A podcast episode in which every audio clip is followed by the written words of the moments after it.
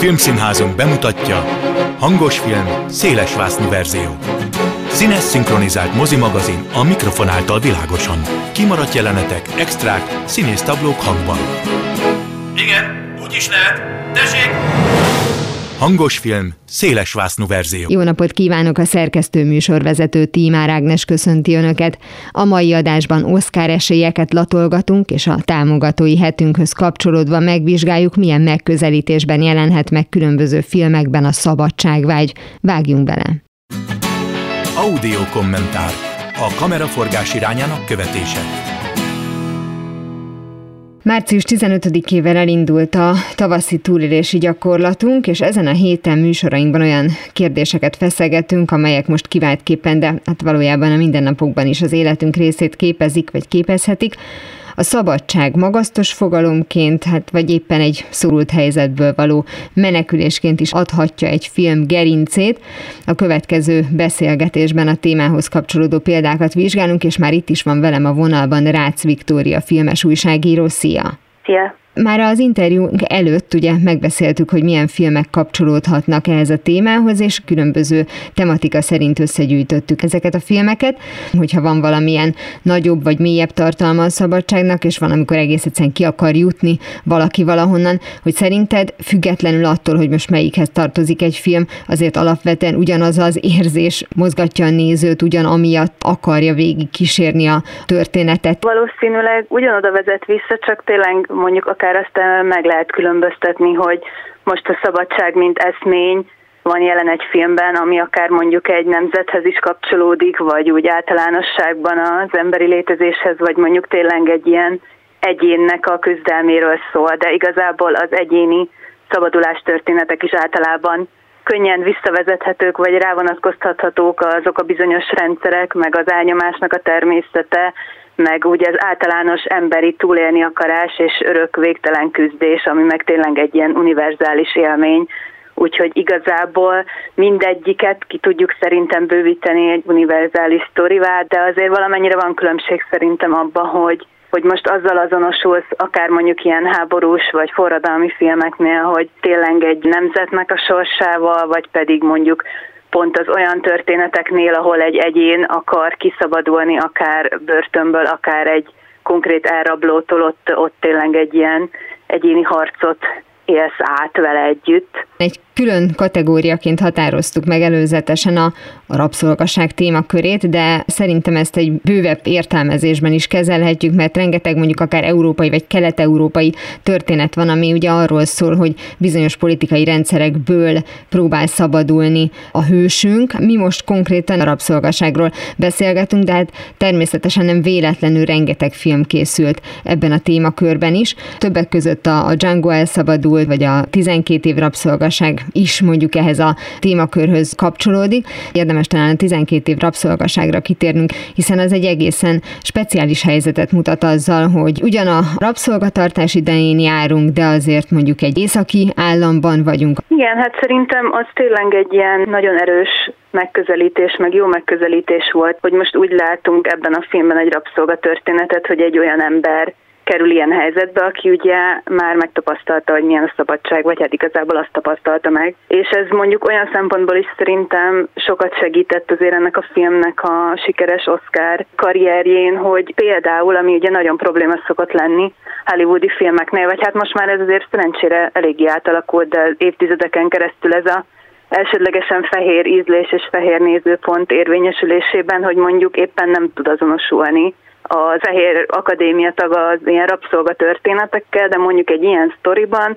szerintem az is adja az erejét, hogy jobban azonosulni tudsz egy olyan karakterrel, aki a szabadságot megélve kerül egy ilyen szituációba, nem pedig beleszületik. Úgyhogy ez mindenképpen egy ilyen nagy ereje volt a filmnek, de közben meg ott volt az is, hogy ez már pont akkor jött ki, amikor már jöttek ezek a kritikus hangok, hogy tényleg miért még mindig a rabszolgaság az egyetlen afroamerikaiakról szóló történet, amit így fel lehet dolgozni, és ami eljuthat mondjuk nagyobb díjesők közelébe. Meg hát fekete rendezője van, tehát mondjuk ez is számít, de közben meg azért egy picit itt már megszületett az az igény, hogy akkor beszéljünk már egy kicsit arról, hogy mondjuk a rasszizmus az ugyanúgy működik ma is, csak nyilván nem ennyire nyíltan egyértelmű, hogy hogy nyom el, hanem mondjuk rendszer szinten, meg előítéletek szintjén máshogy működik, meg máshogy jelenik ez meg. Szintén rengeteg filmet összegyűjtő kategória a börtön életet bemutató filmek, és egyébként sorozatok is, amelyeknek szerintem ebből a szempontból azért van jelentősége, mert ezt is minimum ketté lehet osztani az alapján, hogy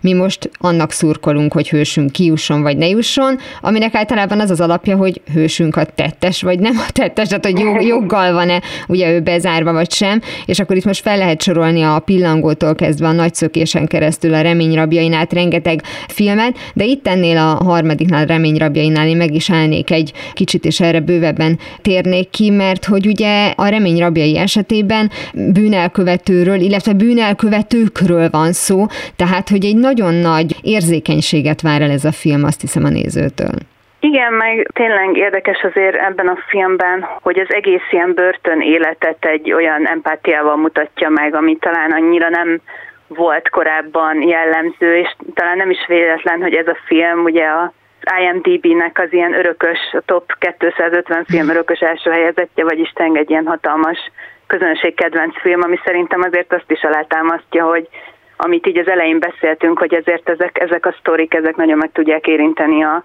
nézőket, az ilyen jellegű történetek, és ebben tényleg benne van az is, hogy ami szintén ilyen nagyon katartikus, meg félelmetes, ha ezt kiváltani, mindig az ilyen rosszul működő igazságszolgáltatás, mert ez is az a kategória, ahol bele tudod élni magadat, hogy amikor ártatlan ember kerül börtönbe, de közben meg a túlélni akarás is, hogy ott azért mégiscsak kiépít magának egy életet, miközben nem adja fel azt, hogy, hogy mégiscsak azért a szabadságot azt megérdemli, és azt el fogja érni előbb-utóbb. Illetve ami szerintem még nagyon érdekes a remény rabjaiba, hogy például azt is megjeleníti egy mellék szereplő szállán keresztül, hogy ez a szabadság, ez olyan, és ez ugye több filmben is előjön, akár mondjuk a szobába, ami egy egészen más típusú történet, mert ott ugye egy tinédzser lányt rabol el egy férfi és tartja bezárva, hogy amikor ugye egy ilyen hosszú bezárt időszak után kikerülsz a társadalomba, akkor így egyáltalán nem magától értetődő, hogy te tudod élvezni azt a szabadságot, és utána te boldogan élsz majd vele, hanem mondjuk a reményrabjaiba is ugye öngyilkos lesz az a, az a karakter, aki kikerül a börtönből, és egyszerűen nem tud vissza illeszkedni a társadalomba, vagy van olyan szituáció, mondjuk egy ilyen tényleg ez a posztraumás stressz miatt nem tud, Úgyhogy ezek ilyen érdekes dolgok, hogy ezért nem, nem mindig egyértelmű, hogy a szabadság az egy ilyen boldog happy endet jelent egy ilyen szituáció után, vagy hogy ezt így túl lehet, túl tudod tenni magad az ilyen élményeken, úgyhogy ez is emiatt szerintem ez a film, amit egyébként itt sokan nagyon szentimentálisnak, vagy akár gicsesnek is tartanak, azért szerintem így vannak benne ilyen rétegek, ami miatt itt tényleg érdemes arra, hogy kiemeltként kezeljék ez a bizonyos réteg, nevezetesen, hogy mi van akkor, hogyha sikerül megszökni. Említetted ugye a szobát, de mondjuk a számkivetett is ugye ide sorolható, hiszen oké, okay, hogy visszajut Tom Hanks karaktere a lakatlan szigetről, na de hát kész az élete, egy új fordulatot kell, hogy vegyen, de az említett posztraumás stressz kapcsán ugye a Rambó is, tehát hogy szintén rengeteg példa van, ami ide sorolható. Ha már a szobát említetted, azért annak van egy másik nagyon fontos része is, az egy dolog, hogy te magadban hogyan hogyan dolgozod ezt fel, de hogy a társadalom hogyan áll hozzá. Tehát a filmnek volt egy ilyen nagyon, szerintem nagyon fontos gondolata is, hogy rögtön elkezdődik az áldozat hibáztatás. Igen, igen, mert ugye igen, ott egy gyerekről van szó, aki konkrétan ott születik már fogságban, és az meg egy ilyen külön történet, hogy a gyereknek a nézőpontja, tehát hogy neki a világ az a szoba gyakorlatilag, amíg onnan ki nem szabadul, és ott van is egy konfliktus, hogy nem akar, ő nem akar kiszabadulni, mert nem érti, hogy ne, miért ne lenne jó ott az anyukájával, aki is nem tudom, 10 négyzetméteren lejelni az életét. Úgyhogy igen, itt, itt azért így súlyos döntések vannak az anya részéről, és aki azért végül is csak úgy tud kiszabadulni, hogy valamilyen szinten veszélybe helyezi a saját gyerekét ezzel, meg egy ilyen elég komoly menekülési tervre kényszeríti. És hát igen, utána pedig ezzel szembesülni, hogy, hogy kint vagy a világban, és vagy hibáztatnak is, meg úgy is néznek rád, mint egy ilyen, gyakorlatilag egy ilyen megnyomorodott ember, és ezt, ezt így feldolgozni azért nagyon-nagyon kemény dolog ha egyáltalán fel lehet. A szabadság érzése azért az bizonyos értelemben egy relatív dolog, hiszen amikor valaki már, és ugye a szoba kapcsán említett kisfiúnál ezt látható, elfogad valamit alapállapotnak, akkor arról nagyon nehéz meggyőzni, hogy az nem egy normális helyzet, de hát nem egy olyan történetet látunk, ahol viszont belekerül valaki, és mint egy spirálba beletekeredve ott marad, és hát onnan már egyre kisebb esélye lesz kitörni, ennek mondjuk a szélsőségesebb változatai mondjuk a lányom nélkül soha, vagy az egy-egyben az ellenséggel, de ahogy előzetesen beszéltünk arról, hogy milyen filmek kapcsolódhatnak ide, te a kisasszonyokat is felvetetted, vagy akár a Spencer-t. Igen, tehát a Spencer, ami ugye most a Kristen Stewart Oscar jelölését köszönheti ennek a filmnek, ott maga ez az ilyen, hogy mint királyi család szigorú etikettjébe való ilyen beragadás, és tényleg az egy gyakorlatilag életrajzi film helyett inkább kicsit egy ilyen lélektani horrorfilm hatását kelti, ahogy ő így próbál Diana hercegnőként kitörni ezekből a, ezekből a szabályokból. Illetve a, a kisasszonyokban pedig ezért is volt a 2019-es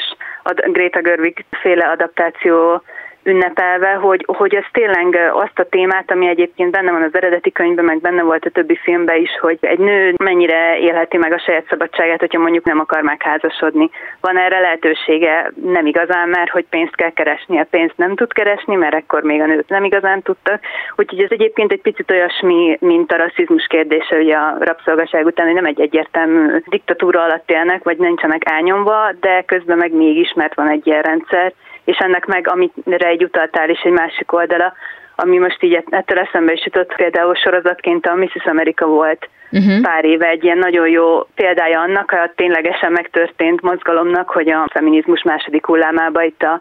70-es években gyakorlatilag a háziasszonyok ezek fel, akik tényleg így azt érezték, hogy ők kiteljesedtek a háziasszony létben, meg a családanya létben, hogy ezt felháborítónak tartották, hogy őket így kvázi fel akarják szabadítani, és konkrétan ellene mentek ennek a mozgalomnak. Úgyhogy ez, ez is egy ilyen kérdés, hogy nem mindenki nem mindenki vágyik erre a szabadságra feltétlenül, vagy lehet, hogy nem vágyna, de tényleg annyira berögződött, hogy ezt így nem, nem tudja feldolgozni, vagy nem akarja elfogadni. Hát és az, hogy nem mindenkinek ugyanaz a szabadság, vagy nem mindenki ugyanolyan módon akar kitörni ebből például, mert a Telma és Louis klasszikus esete mondjuk egy inkább metaforikus megoldást hordoz, de rengeteg olyan már inkább a túlélésről, az egzisztenciáról szóló film van, ami pedig pont azzal foglalkozik, hogy benne vagyunk egy helyzetben, ami hát nem terror, ami nem erőszak, ami nem semmi olyan szélsőséges dolog, ami miatt az ember azt mondaná, hogy neked nagyon rossz, de közben meg mégis az, és ez azért még veszélyesebb, mert az ember még kevésbé meri azt mondani, hogy nem jó helyzetben van, mert ha körülnéz, akkor azt mondja, hogy van családja, van munkája, minden úgy alapvetően a, katalógus szerint megvan,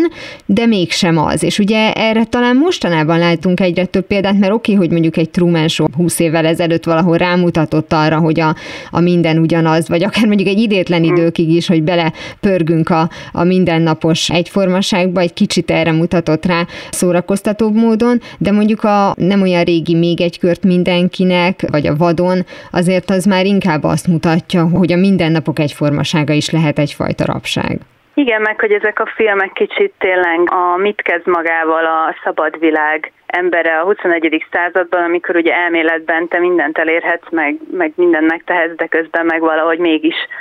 mégis nem csökken a depressziósok száma, meg az öngyilkosok száma, ha csak inkább növekszik, meg mégis, mégis nem találják az emberek magukat és ezek meg nagyon erősen jelen vannak filmekben, az ilyen típusú önkeresés, meg szabadulni vágyás, de hogy igazából nincs mi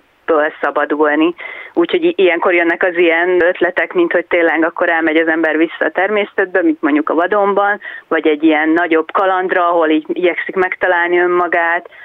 vagy másik esetben mondjuk az alkoholhoz fordul, mint a még egy köt mindenkinek nél, és amelyikben pedig nincs nyíltan jelen, mint mondjuk a szintén idén volt ünnepelt világ legrosszabb embere című filmben, amiben inkább csak ez az érzés nagyon erős, főleg ami ma ilyen 30-asok körében ez az ilyen, mikor nem tudom, találom meg önmagamat, annyi lehetőségem van, hogy nem tudok mit kezdeni az életemmel. A végtelenség sorolhatnánk ezeket a filmeket, mert mi is azt hiszem, hogy sokkal több filmcímet szedtünk össze az interjúra készülve, mint amire van lehetőségünk kitérni, úgyhogy tényleg csak így gyorsan pörgetve a 127 óra, a szökevény, a gladiátor, akár mondjuk a könnyed bőfajból is, mint a Dutyi Dili, vagy a Kapjelhatúc, vagy a Van, aki forron szereti például, és ami szintén ugye egy vicces jelenség, hogy egész Hollywood Matt Damon igyekszik megmenteni. Tehát ugye az akciófilmeknek elengedhetetlen része, hogy a hős vagy hősök ilyen különböző szorult helyzetekből próbáljanak meg kiszökni. Például mondjuk a mentőexpedíció, vagy a csillagok között, aminél itt egy perccel azért szeretnék megállni,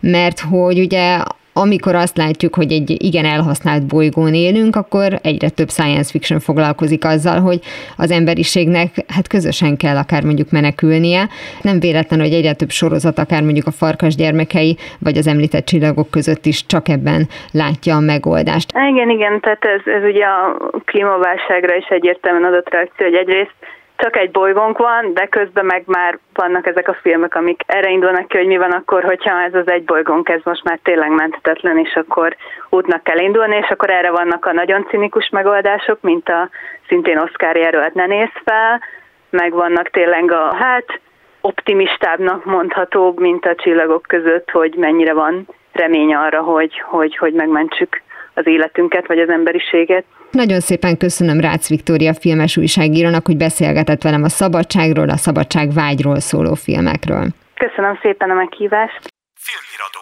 Hírek a mozivászon túloldaláról. A vonalban Szölőskei Gábor filmes szakújságíró, a Vox mozi magazin főszerkesztő helyettese van velem. Szia! Szia, köszöntök mindenkit! És már ideje korán elkezdjük elemezgetni, hogy az akadémia kinek fogja odaadni a különböző kategóriákban az Oscar díjakat. Az előző interjúban a hallgatóink már hallhattak néhány filmcímet, amelyekre most bővebben ki is fogunk térni, és mi nem azt csináljuk, mint az Oscar, hogy a legjobbat hagyjuk a végére, hanem rögtön azzal kezdjük. Nézzük meg a, a legjobb film kategóriát, mert valószínűleg mindenki minden évben azt várja a legjobban. Neked van kedvenced, van-e tippet, hogy melyik nyer, és hogy szerinted ez szinkronban van-e? Általában nem szokott szinkronban lenni, legalább utóbbi években nem feltétlenül, azért volt egy ilyen időszak, amikor azért nagyon is vette egymást azt, hogy én mit szerettem volna, és hogy mi nyerte, de valahogy mostanában annyira nem jön ez össze. Szerintem idén se fog, ugye tíz legjobb film jelölt van idén, és abból nekem, ami hát talán különösen kedves, az a Koda című film például, vagy a Ne nézz fel, teljesen különböző dolgokért, tehát ez más filmek. Illetve hát sajnos kettőt még nem láttam, úgyhogy teljes mértékben nem tudom azt mondani, hogy ezek voltak a legjobbak ebből a tízből, de ez addig szerencsére mind a két film bekerül a mozikba, mind a Vezes helyettem című japán film, mint pedig a Licorice Pizza Paul Thomas Anderson film, úgyhogy majd azokra is nagyon kíváncsi leszek, hogy esetleg megmásítják-e a listámat és a kedvenceimet. Jelenleg úgy gondolom, hogy a legtöbb jelölést kapott film a Kutya Karmai Közt című alkotás a legesélyesebb a legjobb film díjára. Ugye 12 jelölést is kapott az idei Oscaron ez a film, ami hát utóbbi időben ez nem feltétlenül jelentette azt, hogy a legtöbb jelölést kapó film is győzedelmeskedett, sőt, általában az már mostanában egy ilyen jele volt annak, hogy semmiképp nem nyerhet. Így korábban, tehát 80 70 80 90-es, 2000-es években is akár, ez szinte egyet jelentett azzal, hogy hát nem véletlenül kapta a legtöbb jelölést, akkor valószínűleg ez itt a legjobb film a jelöltek közül, de ez valamiért ez megváltozott, és akár ilyen kevés jelölést kapó film is tudott győzedelmeskedni a végén. Ettől függetlenül én úgy gondolom, hogy a Kutyakarmai Közt most a legesélyesebb. Nagyon sok díjat kapott ez a film. Legutóbb például a rendezője Jane Campion kapta meg a rendezői szakszervezetek díját. Ez például nagyon erősen mutatja, hogy az Oscarban is ő a legfőbb esélyes. Kevés alkalommal fordult elő, hogy más kapta az Oscar díjat a rendezők között, mint aki a rendezők szakszervezetének díját kapta, talán nem tudom, 6-7-8-szor, tehát így pedig már a szervezet már több mint 60 éve fennáll, szóval tényleg ritka. Ugye, ugye erősen esélyes Jane Campion, így a harmadik nő lehet egyébként, aki rendezői oszkárt nyer, és Zsinórban a második, hiszen tavaly is ugye Chloe Zhao győzedelmeskedett, és hát ugye aki a legjobb rendezőt kapja, ott nagy az esélye a legjobb filmnek is, úgyhogy szerintem itt a Kutya Karmai közt lesz a befutó, ami egyébként egy remek film, nekem is nagyon tetszett, és nem fogom sajnálni tőle, csak vannak nagyobb kedvenceim is. Független attól, hogy mennyit ugye láttál te, vagy láttunk belőle, ugye elvileg március harmadikáig leadhat a volna, vagy leadhattuk a voksunkat, mert ugye egy újítást hozott be az Oscar, ezzel is talán kicsit közelebb hozva a közönséghez az egész showműsort, hogy te is megmondhatod, hogy szerinted melyik a legjobb filmben. Segíts, hogy itt most tulajdonképpen mi volt a szándék, ennek milyen hatása lesz a díjazásra. Igen, ez a bizonyos ilyen közönségdíj, ha lehet annak nevezni az Oscaron. Moztak egy ilyen új hát, szabály dolgot, kategóriát. Állítólag azért került be, most ide Oscars fan favorite-nek hívják egyébként, mert hát ugye a Pókember nincs hazaút, itt óriási világsikert aratott, ugye a nézők körében, és óriás hatalmas kassza siker is lett, és hát hogy voltak olyan hírek, hogy erősen kampányoltak azért, hogy a Pókember ott legyen a jelöltek között, ha már ugye pár éve a Fekete Párduc ott tudott lenni, akkor akár a sokakat megmozgató pókember is, hiszen ugye az Oscar nézettsége az utóbbi években egyre-egyre rosszabb lett, a tavalyi gála nézettsége volt magasan a legrosszabb, amióta van oszkáros tévéközvetítés, és hát valahogy vissza kell csábítani a nézőket, ezért sokan azt gondolták, hogy a pókember jelölésével ez meg is lesz oldva. Nem jelölték ugye a pókembert, ezt már tudjuk. A legjobb film díjára csupán egy legjobb vizuális effektek kategóriában jelölt. Ezért sokan azt mondják, hogy ezt az Oscars fan favorite, azaz közönség díjat azért hozták be, hogy a pókember nek azért adhassanak egy díjat, biztosra véve, hogy minden bizony mindenki erre fog szavazni. Ehhez képest ugye lehetett hallani olyan hírt, hogy nem a pókember vezet ezen a szavazáson, hanem egy borzalmas, inkább aranymálnára esélyes film, az új hamupipőke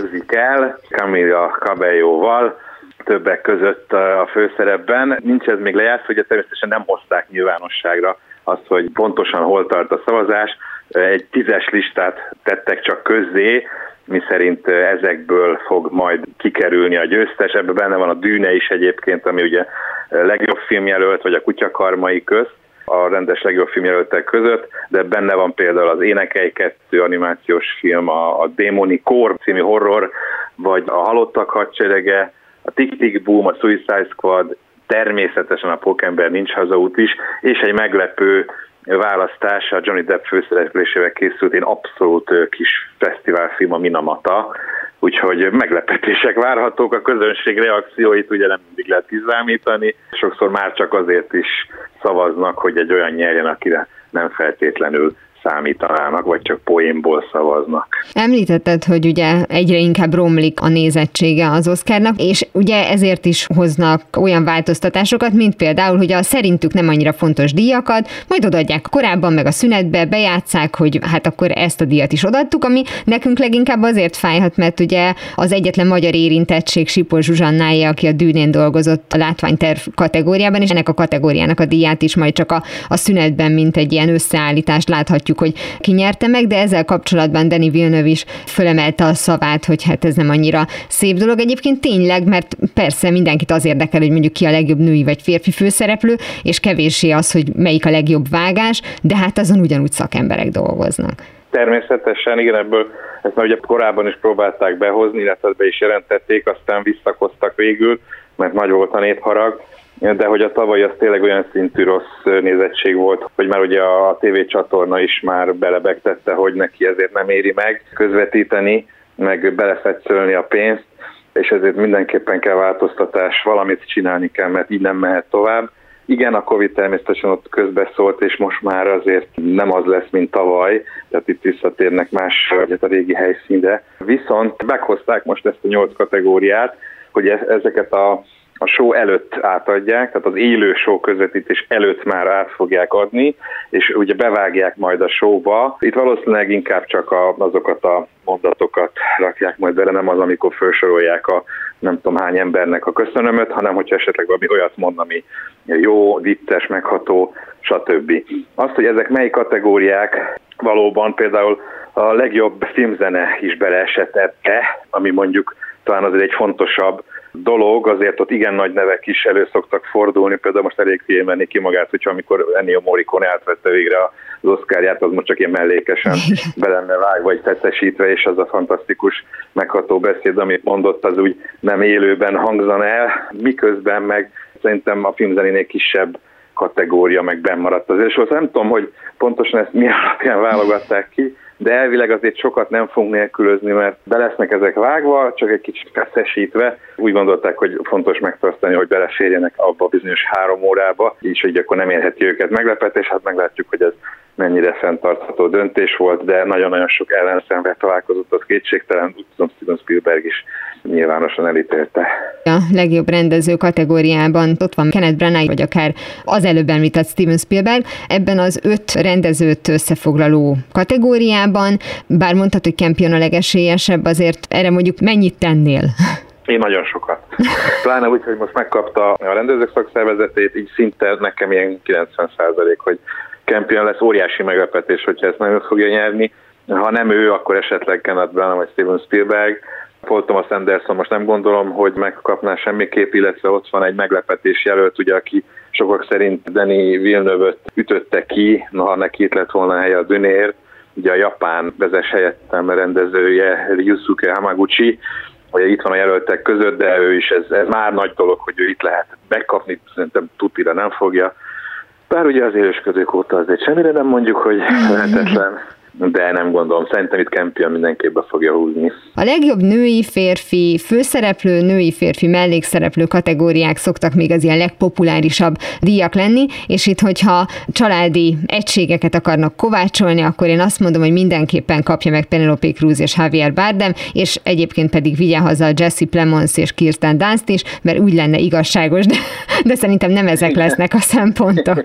Igen, valószínűleg nem, bár ez tényleg való, ez ritka, hogy több házas pár is itt van a jelölt listán, és egyszerre jelölték őket, úgyhogy ez egy ilyen kis remek érdekesség. Azt hiszem, hogy valami rekord is egyébként, de valóban nem ők a legesélyesebbek, akiket most felsoroltál a kategóriáikban. Ugye a legjobb színészeknél ott azért nagyon sokan várják a kutyakarmai köztért Benedict Cumberbatch-et, és amikor a filmet bemutatták, akkor nagyon sokan egyértelműen gondolták, hogy Cumberbatch azért egy olyan alakítást mutatott be, ami egyrészt nál nem jellemző. Ilyen karaktereket azért nem szokott játszani, éppen ezért nagyon előtérbe került, és hogy tutira ő fogja nyerni. Viszont most már nem ő számít a legesélyesebbnek, még így sem, hanem Will Smith a Richard király című filmért azért a legtöbb szakértő szerint ezt most Will Smith fogja elvinni. Ugye ez neki a harmadik kerülése, tényleg egy remek alakítás, aki esetleg látta Richard király, talán a legfőbb erénye a filmnek az ő alakítása. Úgy gondolom, hogy kettejük közül fog kiderülni, de most én is több esélyt adnék Will Smithnek. A nők között pedig szintén, hát ott, ott nem volt ilyen egyértelmű favorit, Mostanában kezd kialakulni egy esetleges nagyobb esélyes. Ugye ott Olivia Colman az elveszett lányért, vagy Nicole Kidman a az élet Ricardoéknál, illetve hát ott van Kristen Stewart, aki fantasztikus átalakulást mutatott a Spencerben, de én úgy gondolom, hogy Jessica Chastain lesz az, aki a Temi szemei miatt talán most idén megkaphatja első Oscar díját, neki és ugye már nem az első jelölése, de talán most elviheti az első díját is, mert egy remek átalakulást mutatott be, mind, mind fizikailag, vagy hát sminkileg, inkább a sminkeseket dicséri, mint pedig alakításban a Temi Fej szemeiben, így, így őt mondanám. Jelenlegi állás szerint, hát még persze változhatnak a dolgok, ugye ez hozzátartozik az is, hogy már a színész szakszervezetek is átadták béjukat, és ezek is erősen megmutatják az esélyeseket, noha nem százszázalékosan, és így az utóbbi időben Will Smith és esélyei szöktek a magasba, ahogy Troy Kocuré, akinek neve szerintem senkinek nem mond semmit, maximum aznak, aki látta a Koda című filmet, egy remek karakterkiszínészről van szó egyébként, és a Kodában is csodálatos, hogy játsza az apukát, és ő szinte minden díjat megnyert eddig ezzel a mellékszerepével, így a férfi mellékszereplőknél. Ő a legfőbb esélyes a kutyakarmai közt Cody Smith megfie mellett, aki ugye a Golden Globot behúzta, így szerintem kettejük közül fog kikerülni a győztes, és a női mellékszereplőknél viszont eléggé egyértelműnek tűnik a helyzet, hiszen szinte mindent begyűjtött már ezért a szerepért. Ariana DeBose, a West Side Story Anitája, és hát ugye azért is lenne az ő díja egy kicsit ilyen érdekes, meg, meg vicces, hiszen Rita Moreno is ezért a szerepért kapott Oscar díjat a, régi West Side Storyért, úgyhogy ez egy ilyen, úgy látszik, oszkáros szerep. Köszönöm szépen Szöröskei Gábor filmes szakújságírónak, a Vox mozi magazin főszerkesztő helyettesének, hogy beszélgetett velem az Oscar esélyekről. Köszönöm én is, várjuk nagyon az iátadót. Ez volt már a hangos film széles vásznú verzió. Legközelebb ismét szombaton délután fél kettőtől várom önöket. Természetesen a korábbi adásokat, ahogy a mait is hamarosan megtalálják archívumunkban, valamint podcastként. Kövessenek minket a Facebookon, és ha még nem tették, iratkozzanak fel YouTube csatornánkra. Köszönöm a figyelmüket, a szerkesztő műsorvezetőt, Tímár Ágnest hallották. Viszont hallásra! Hangos film, széles vásznú verzió.